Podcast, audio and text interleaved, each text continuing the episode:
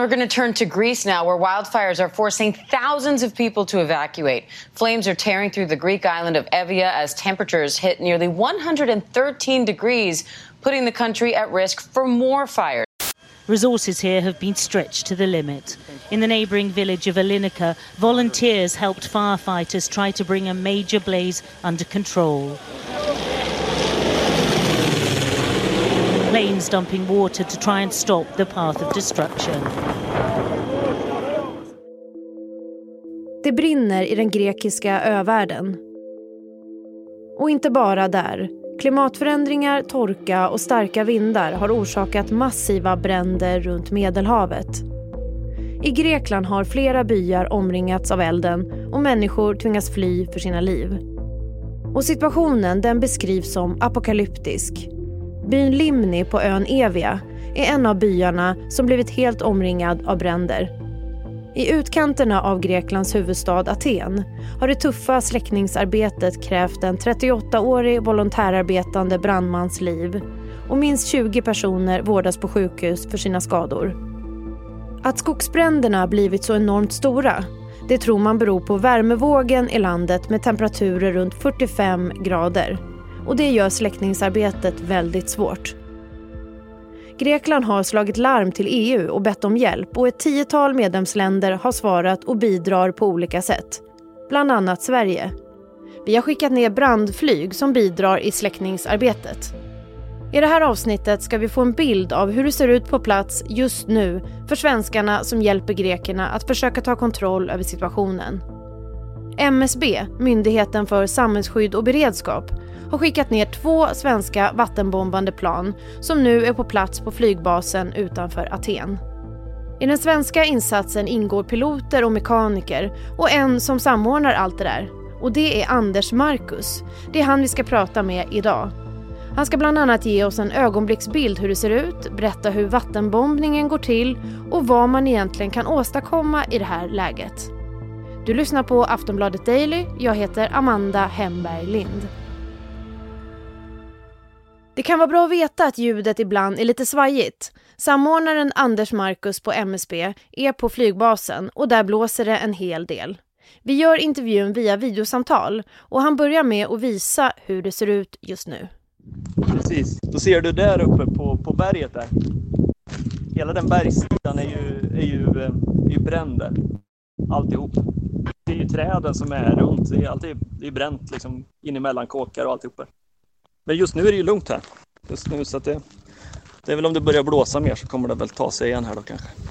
Ja, kan du beskriva vidden av den här katastrofen? Nej, det har jag jättesvårt att göra för vi, vi är på den här flygbasen och jag ser det jag ser och vi får våra uppdrag och de åker vi på. Presterar det bästa vi kan men, men jag är ju inte på plats. Det är ju ganska långt till Evia, bland annat den här ön då som är väldigt hårt drabbad och, och eh, om jag förstått det så ska det ju brinna rätt ordentligt i de sydvästra delarna men den typen av överblick är inte, sitter inte jag på utan jag, vi producerar de uppdrag som vi, som vi får till oss av den här, eh, ja, vad ska man kalla det för, operationscentralen eller vad man kallar det för. Ja, var är du just nu? Jag är på en flygbas som heter Tatoi Airbase som ligger norr om, i norra Aten. Men det är två plan som är ute nu eller? Nej, de är på backen just nu. Eh, vi har inte fått våran order idag eh, för att alla de flygplan som man har skickat till Evia har man fått vända på grund av eh, rökiga förhållanden så att man kunde inte upprätthålla säkerhet. Så just nu är våra plan på backen. Hur var det igår? Var ni ute då? Tre vändor var vi ute då. Vad, så, vad såg de? Beskriv. Eh, ja, det var ju... Eh, eh, ska man säga? ungefär det som du såg där som jag försökte visa dig på bergssidan. En, det är avbrända områden men, men naturligtvis så finns det ju fortfarande lite saker som kan brinna i de här. Eh, man försöker att, att säkerställa så att inte eh, liksom, spridningen blir större. Det brinner ju oftast lite grann i, i, inne i de här områdena men, men sen är det ju så att den brinner ju allt eftersom den växer sig större och så försöker man ju begränsa spridningen. Eh, och, och det var det man riktade in sig på, att, att förstärka upp den, den begränsningslinje som man försöker göra runt om då, tillsammans med, med trupper från marken och helikoptrar och så vidare. Men det, det är ju den brasan som är precis här närmast som vi var på igår. Den intensiteten är ju relativt låg. Där handlar det ju mer om att se till att det här inte blir ett problem. Eh, på, om vi istället jämför med, med kanske då bränderna som är på Evia så handlar det om att få dem att, att lugna sig ganska mycket. Och få, och få dem att, att skapa lite, eh, vad ska man säga, att de inte har så snabb brandspridning för det för med sig inte bara förstörelse utan också problem med utrymning och så vidare och säkerhetsdelar. Så. Kan du beskriva, ta, ta oss med till hur ett pass går till? Ja, eh, det går till så att vi får ett eh, telefonsamtal ifrån eh, de lokala myndigheternas, eh, eh, ja de kallar det för Operations Central, fritt översatt här då. Och, eh, eh, tilldelas ett uppdrag. Hittills har vi i alla fall gjort det tillsammans med tre stycken eh, flygmaskiner som de har här i Grekland, grekernas egna, som är av samma typ som, som de som vi har skickat ner från Sverige, som heter AT802 Fireboss. Eh, det är bra att uppträda med, med liknande maskiner för att de flyger i samma hastighet och har samma förutsättningar och då kan man liksom på ett säkert sätt bara följa efter varandra. Och det blir effektiva och det blir en, en lite högre säkerhet kopplat till flygningen också då. Och då, eh, ja, då startar man. Eh, sen åker man och plockar upp vatten i en sjö eller i havet eller någonting. Man lägger sig precis på vattenytan och så fäller man ner en, en som en upp och nervänd snorkel kan man väl nästan säga, eller en skopa kallas det för. Så fyller man upp eh, flygplanskroppen med 3000 liter vatten. Eh, och sen så stänger man och så åker man till den brand man vill släppa det på. Sen öppnar man två stycken luckor som är eh, precis under flygplanskroppen och släpper ut vattnet. Eh, och sen så gör man den processen så, så länge man kan. Eh, och det är ju tills, tills drivmedlet till slut i, i flygplanet man måste hem och tanka. Det, en sån vända tar ungefär tre timmar. Då. De insatserna nu som du ansvarar för då, alltså, vad, vad har du fått, fått veta? Hur ser konsekvenserna ut helt enkelt? Vad är det som är förstört? Det vet inte jag. Utan jag, som sagt, vi skickar iväg dem, de gör sitt jobb på, på där de tilldelas uppdrag, flygplanen och, och så omfattningen ur ett helhetsperspektiv, det har jag, har jag jättesvårt att uttala mig om. Eh, det, det, kan jag lika, det, det, är lika bra på att föreställa mig som, som folk hemma i Sverige eller någon annanstans som ser på, på nyheter och så vidare. För vi utgår från flygbasen, vi flyger dit, vi ser att just, just dit vi flyger så får vi naturligtvis att det här ser illa ut just här och nu, men förutsättningarna ändras hela tiden och, och skiljer sig väldigt mycket mellan olika platser. Men generellt sett, det är, det är varmt och det blåser och det brinner och den kombinationen är naturligtvis jättedålig. Har du, kan du jämföra med andra insatser? Hur illa är det om du jämför? Eh, ja.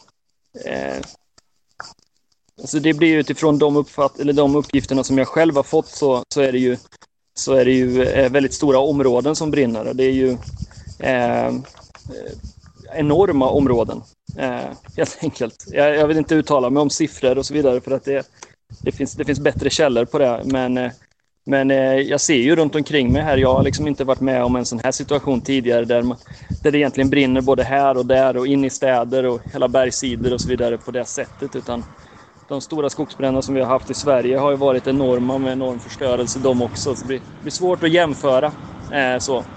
Men eh, jag har aldrig sett något sånt här. Det hotellet som vi bor på precis intill flygbasen, eh, dit vi kommer på kvällen, så var det första gången jag såg det i dagsljus eh, häromdagen. Då insåg jag att marken var ju utbränd runt hotellet där. Det visste inte jag. Vi har varit där när det varit mörkt ända. Eh, så, så det, det, det, det är nytt, men det, jag har jättesvårt att uttala mig om helhetsperspektivet. För det, det är jättemycket flygresurser, det är väldigt mycket folk. och Det är en svår situation. Men eh, vi har våran del och den gör vi så gott vi kan. Hur känner du att det går då, insatsen? Jag känner att vi presterar bra. Jag känner att vi presterar utifrån vad som förväntas av oss.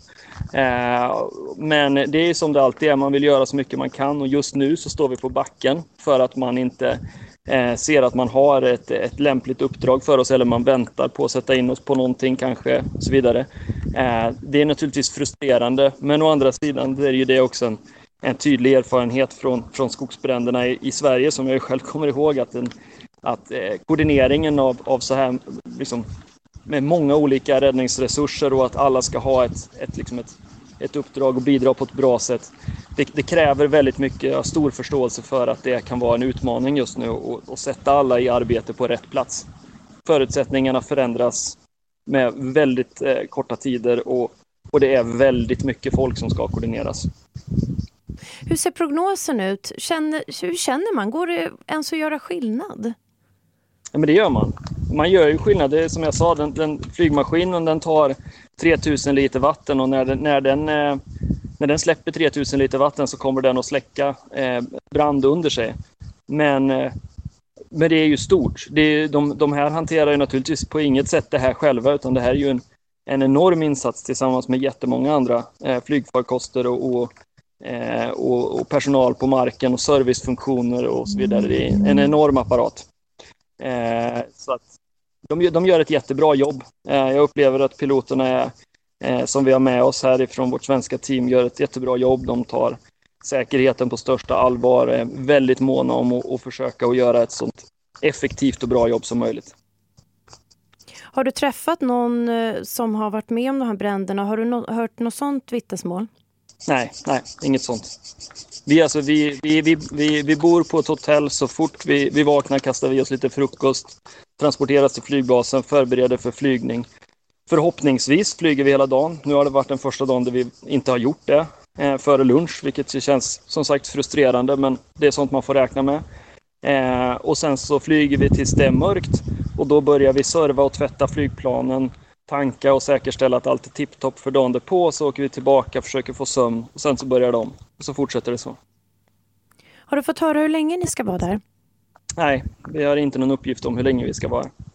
Grekland har bett om hjälp eh, och eh, EU har beslutat sig för att, att, att eh, hjälpa till tillsammans med, med den här svenska Rescue-resursen. Då. Så det går igenom den europeiska civilskyddsmekanismen.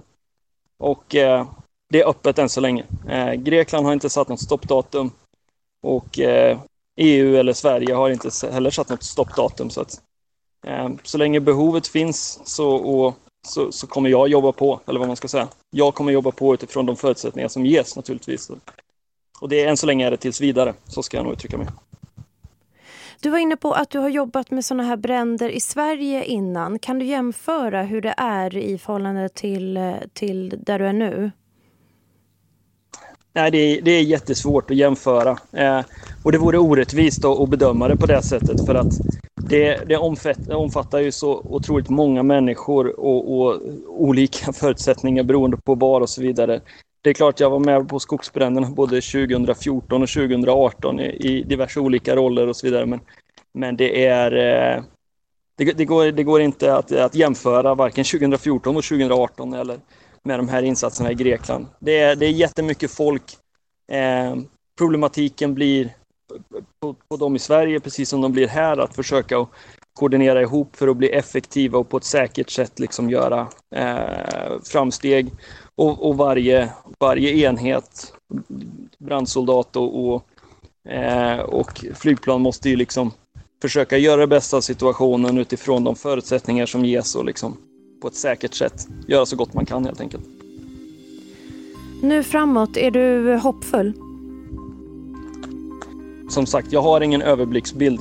Eh, jag vet bara att vi kan göra en skillnad och vi vill göra en skillnad så vi gör så gott vi kan eh, tills vidare. Sist här hörde du Anders Marcus, MSBs samordnare för Sveriges brandflyg på plats i Grekland. Du har lyssnat på Aftonbladet Daily, vår dagliga nyhetspodd. Jag heter Amanda Hemberg Lind. Vi hörs snart igen. Hej då.